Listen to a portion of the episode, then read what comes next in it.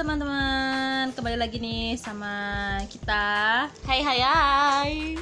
Eh, kemarin kita di episode sebelumnya kita bahas masalah eh, ini ya lingkungan ya Lingkungan, tentang sampah-sampah gitu ya. Kemarin kan oh. kita udah janji nih sama pendengar. eh eh iya ya ya Iya ampun. dong, ayo lupa ya. Ini ya tentang apa? Fisiologis Dampak gitu ya dampak sampah itu terhadap tubuh. Eh, menurut kamu gimana nih Mbak? Jadi gimana? Kalau Kalau dampaknya sampah nih buat tubuh. kalau kemarin kan sempat disinggung ya sama Mbak Tia yang eh, melalui pernafasan utamanya Hmm. ya karena sampah-sampah yang ditimbun kemudian akan memunculkan bau yang tidak sedap dan Hmm. itu mengganggu di pernafasan. Nah, kalau eh, aku sih lebih ke ini ya mikroplastik. Hmm, mikroplastik. Iya nih kenapa nih? Iya, kalau em, ternyata eh, dari penelitian yang udah dilakukan oleh siapa ya kemarin itu Banyak. ya banyak, sih kayaknya yang udah berdasarkan penelitian yang dilakukan itu eh ternyata di kotoran manusia itu Mm-mm. itu mengandung mikroplastik Wow. ya itu salah satunya itu berasal dari eh, air minum botol yang biasanya kita beli itu. Nah itu salah itu. satunya dari situ. Tapi sejauh eh, aku baca ya aku baca itu itu belum eh, membahas secara mendalam gitu. Nanti efeknya sama misalnya sirkulasi yang ada di dalam tubuh itu gimana gitu. Cuma sampai dia tuh nemuin di sampel apa ya eh, kotoran manusianya itu dia ngandung mikroplastik gitu Sebenarnya itu eh, basically kalau misalnya sampai ditemukan mikroplastik di dalam feses, Mm-mm. itu mekanismenya itu hampir hampir sama sih. Kalau misal misalnya ini ada or, andaikan itu bukan tercemar mikroplastik ya, ya andaikan tercemar bahan logam berat atau mungkin barang bahan atau zat-zat kimia lainnya kan kita juga bisa diketahui dari kotoran kita sebenarnya tuh basically hampir semua mekanisme sama secara keseluruhan. Mm-mm. meskipun dalam apa di dalam tubuh kita itu mereka punya mekanisme yang berbeda-beda. Tapi di sini eh, ini aku cuma mau sharing sepengetahuan aku aja ya. Ya gimana tuh? Heeh, yang pernah aku dapet dari guru-guru aku, dari dosen-dosen aku, dan beberapa buku-buku yang aku baca, Mm-mm. eh, emang ketika kita kayak konsumsi apa pun zat yang tuh berlebihan, itu emang semuanya tuh terakumulasi sih dalam tubuh. Dia pasti nanti akan pertama masuk di dalam ini ya di dalam Sistem lambung, pencernaan eh, sistem kita. pencernaan. Nanti di situ kan akan ada penyerapan nutrisi. Mm. kalau misalnya di situ penyerapan ternyata zat yang kita konsumsi itu misal banyak mengandung mikroplastik otomatis itu mikroplastik juga akan masuk ke dalam semua mekanisme dalam tubuh. Dan nanti mekanisme itu nanti di karena di dalam tubuh kita ini ibarat kayak mereka itu satu dan lainnya itu saling berkesinambungan. Jadi ketika ada satu yang terkena dampak mikroplastik maka mereka juga akan menga- mengalirkan apa ya? Mengalami gangguan juga iya kayak menstimulasi sel lainnya itu mereka juga akan akhirnya saling berpengaruh kan Ha-ha, antara saling semuanya berpengaruh itu. gitu nah sehingga biasanya kalau misalnya emang terlalu banyak terlalu banyak yang dimakan Hmm. yang dikonsumsi apalagi tuh kalau misalnya mis- mikroplastik tadi ya jelas itu bisa bisa sampai dia tertimbunnya atau terakumulasinya itu nanti di bisa sampai di ini Mohon itu maaf, berlaku sama eh, semua ya kan kalau kita itu sekarang bahan makanan itu banyak banget mengandung zat-zat Ya, berbahaya aja. hampir uh, basically hampir semua sama sih. Semua masuk maksudnya lewat dari lambung nanti di lambung itu akan diserap. Hmm. Karena sebenarnya bu- tubuh kita pun sendiri sebenarnya Ya. kalau ini kalau misalnya aku mau ngomongin logam berat ya, tubuh kita juga membutuhkan logam berat loh. Apa? Magnesium contohnya, kalium, kalsium. Untuk apa? Di dalamnya nanti untuk transport uh, transportasi sel. Iya. Nah, tapi itu kalau misalnya jumlahnya sedikit. Karena semasing pada hakikat pada Ada hakikatnya. ampun deh sampai tipe yang berlebihan itu juga nggak baik Ha, gitu. Ya. eh, dan emang punya kadar porsinya masing-masing gitu kan. Benar, benar. nah kalau misalnya ternyata nanti di Eh, konsumsinya ter- berlebihan Hmm, nah, otomatis nanti kan yang masuk dalam sel juga banyak. Yang banyak nanti, Terus nanti malah dia bisa bekerja dengan ma- uh, apa maksimal juga. Hmm, gitu. kalau misalnya di itu sih secara keseluruhan ya mekanismenya aku kurang tahu kalau misalnya secara mendetail ini apa ini apa ini apa karena masing-masing dari suatu zat itu juga beda-beda targetnya Nah, tapi Mbak eh, kalau dilihat dari bahan-bahan yang ada di dalam plastik itu sendiri ya. Hmm. Ini ada nih dari Dr. Tafa Palanisami dari Universitas Newcastle. Nah, menyebutkan kalau salah satu bahan plastik itu eh, yang berpotensi, berpotensi buruk terhadap kesehatan itu ada salah satunya di bisphenol atau BPA. oh BPK Heeh, ini kata kata beliaunya ini bisa menyebabkan kanker. Nah selain itu kan pasti ada banyak sekali ya eh, bahan-bahan kimia selain itu yang bisa berdampak terhadap kesehatan manusia. Gitu. Apalagi sekarang ya kita itu eh, mau makan ikan aja ya, mau makan ikan ikan yang berasal dari lautan itu udah udah mengandung mikroplastik ya. iya parah tau itu Itu itu udah nggak bisa dipungkiri sih. aku sebenarnya pengen pengen tahu ini sih eh apa pernah lihat nggak di berita televisi itu ada ada kambing Hmm. di suatu pulau Nah, itu menurut menurut mbak gimana sih aku soalnya kambing nah habis itu gitu. makannya Heeh. makannya kan yang Mm-mm. dimaksud itu Mm-mm. kan mereka Dia itu di TPA plastik. kan iya ada yang mereka di TPA heeh. Heeh.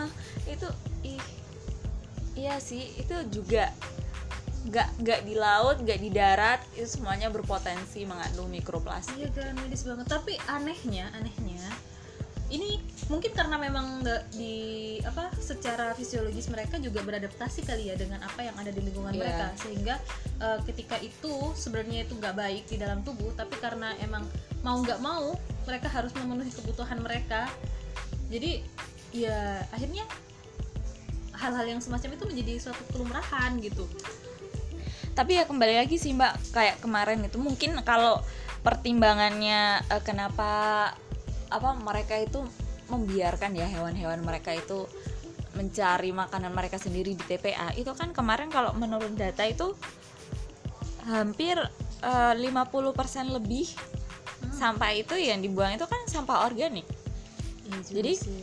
kemungkinan kemungkinan makan makanan organik juga bisa tapi juga ada kemungkinan untuk eh, mengkonsumsi mengkonsumsi bahan-bahan lain kayak plastik kemudian limbah B3 juga bisa tuh Atau bahaya bahaya aku sering lihat sih sering Mm. lihat juga dan dan beberapa kali nggak usah jauh-jauh sih emang kadang ibuku juga melakukan hal- melakukan kesalahan itu membuang kayak daun-daun sisa daun-daun kangkung yang jelek daun-daun sawi yang jelek Iya. yang mau dimasak itu dimasukin plastik mungkin itu sama orang dibuang ke TPA ujungnya akhirnya si kambing-kambing itu mau makan akhirnya plastiknya kena apa mungkin bisa gitu kali ya? Mungkin ya mungkin. Jadi kayak kayak ke bawah gitu sedikit banyak. Tapi kan memang di TPA kita ini eh, lebih banyak sampah organik sebenarnya. Sebenarnya. Dari data yang kemarin sempat kita bahas kan 50% lebihnya sampah Iya, organik organik gitu. sih. Hmm. nah tapi karena sampah organik ini bisa terurai dengan sendirinya meskipun ya cukup lama dibandingkan dengan plastik yang ya dia nggak bisa terurai cuma terpecah-pecah gitu kan Hmm. Nah makanya kita itu fokusnya ke plastik itu tadi. Padahal sampah lain itu juga berpotensi gitu. Mm-mm. sebenarnya kalaupun uh, misal kayak bau terus kemudian uh, biasanya kan juga kalau misalnya di sampah-sampah kan ada banyak lalat. Ada kata dia si lalat itu tadi hinggap di makanan kita. Kita nggak tahu apakah dia membawa telurnya atau enggak itu juga sebenarnya berpotensi Itu buruk juga iya. kita loh. Di di sampah itu ya eh, kalau sampah itu ya di TPA itu kan ya nggak ada regulasi yang baik ya. Kecuali kalau kota-kota sudah menerapkan mener- menerapkan pemilahan sampah gitu. Kayak contohnya di kota Surabaya itu salah satu TPA itu udah nerapin kayak gitu Nah, kalau di TPA yang ditumpuk itu kan mikroorganismenya itu akan apa ya? apa berkembang biak secara bebas gitu. Jadi kita nggak tahu nih ada mikroorganisme yang dia itu sebagai vektor atau dia itu pembawa gitu, pembawa penyakit yang eh, eh, banyak yang berpotensi dan bahaya gitu buat tubuh kita. gitu sih tapi kalau dilihat lagi ya mbak kalau mikroplastik ini eh, sejauh ini masih dalam tahap penelitian soalnya butuh waktu yang cukup panjang gitu kan. Kalau melihat dari perubahan fisiologis ini akan berhubungan dengan yang namanya evolusi. Iya sih bener banget. Karena nanti itu jatuhnya kalau misalnya kita bilang ke fisiologis dan uh, evolusi kenapa dia bisa relate? Itu dia nggak cuma dipengaruhi sama satu zat doang bro. Iya. Dia pasti butuh uh, beberapa banyak zat yang mana nanti dia bisa mengubah suatu genetik itu sendiri menjadi suatu perubahan iya adanya mutasi itu kan Iya. kan nggak secara apa ya dalam jangka waktu yang singkat Heeh. enggak dan itu pun juga nggak hanya dipengaruhi oleh satu zat bahaya doang Iya. kayak mikroplastik pasti ada akumulasi dari zat-zat lainnya gitu secara sekarang juga banyak banget suatu apa ya makanan jadi campur borak kayak Iya, itu paling umum Iya dan kan? kita belum tahu sama yang, lain-lainnya yang itu masih tersembunyi gimana. lainnya Nah, gitu. otomatis kan yang terakumulasi di dalam tubuh juga makin banyak makin kalau banyak. misalnya mikroplastik mungkin terakumulasinya dia nanti mungkin ya ini aku juga masih kurang tahu Salah satunya Salah tadi kan yang bisa memicu kanker itu tadi. Ha-ha. Ha-ha. bisa jadi dia juga akan menyerang ginjal loh ginjal Iya, karena sistem penyaringan cairan di dalam tubuh kita itu salah satunya. Ha-ha. di ginjal. terus nanti juga bisa lew- eh, terjadi adanya kerusakan di hepar Nah, karena kan di hepar kan dia menetralkan kan Iya. kalau misalnya terlalu banyak yang dinetralkan tetapi konsumsinya kita biasa aja sedangkan dia harus nanti berfungsi. berakibat yang paling deket kalau di hepar ini hepatitis ya karena Eh. nanti sirkulasinya akan eh, lama-lama akan tertutup nanti berakibat sama si hepatitis itu penyakit kuning itu sih aku kurang kurang begitu Hmm. paham sih jadi dasarnya sederhananya gitu banyak sih sebenarnya Banyak banget. ini. tapi kalau di sampah ini mungkin ya ada ya di dalam tubuh manusia dan dia itu eh, keluar gitu keluar tadi ya dalam eh, apa di kotoran manusia tapi juga ada juga yang terakumulasi di dalam tubuh dan itu bahaya Ada. banget sih Mm-mm. Heeh. dan paling banyak sih emang ini ya secara di mamalia Mm-mm. secara umum akumulasi dari segala macam logam berat segala macam zat yang kamu konsumsi secara berliha- berlebihan itu ada di rambut semuanya. All. Iya semuanya ada di rambut. Wow. jadi kalau misalnya kenapa eh, orang-orang kalau misalnya forensik atau apa segala macam biasanya kalau ingin mengetahui apa dari cuma cukup dari sampel rambut karena emang udah di rambut itu semua akumulasi kita udah jelas. Kita ada makan apa aja gitu ya. Parah kayak sih. Jadi kebayang nggak sih? Rambut kita aja udah berapa helai tapi ternyata dia ada akumulasi dari suatu zat-zat yang Iya, mungkin mungkin eh, kan kita sering ya, jangan kan kita mungkin aku sendiri ya.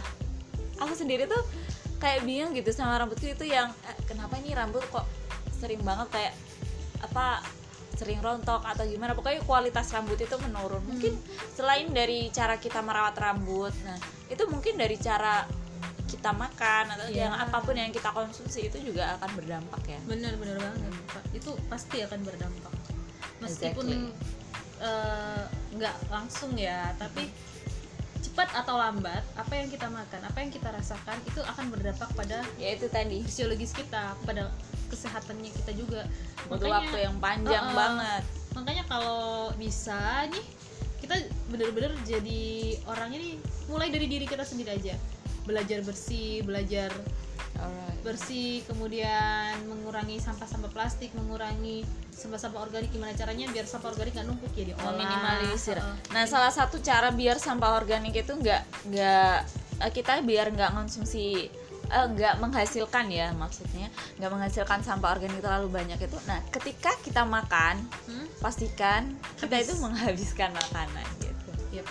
jangan rakus banyak tuh kalau misalnya kita mau beli beli di luar. Hmm, beli tapi nggak beli dihabisin. tapi nanti nyampe di kos, nyampe di rumah itu bingung kita udah kenyang kan.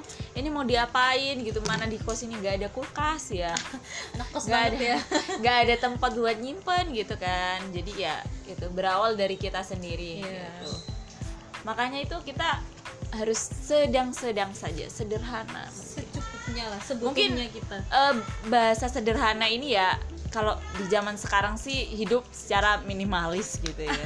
Bener-bener banget bener banget. Sebutuhnya kita aja sih ya. Hmm, alright. Jangan berlebihan Mm-mm. dan kalau bisa juga jangan kurang. Jangan kurang. Cukup. Cukup. Iya. Ya mungkin udah ya Mbak Tia. udah ya?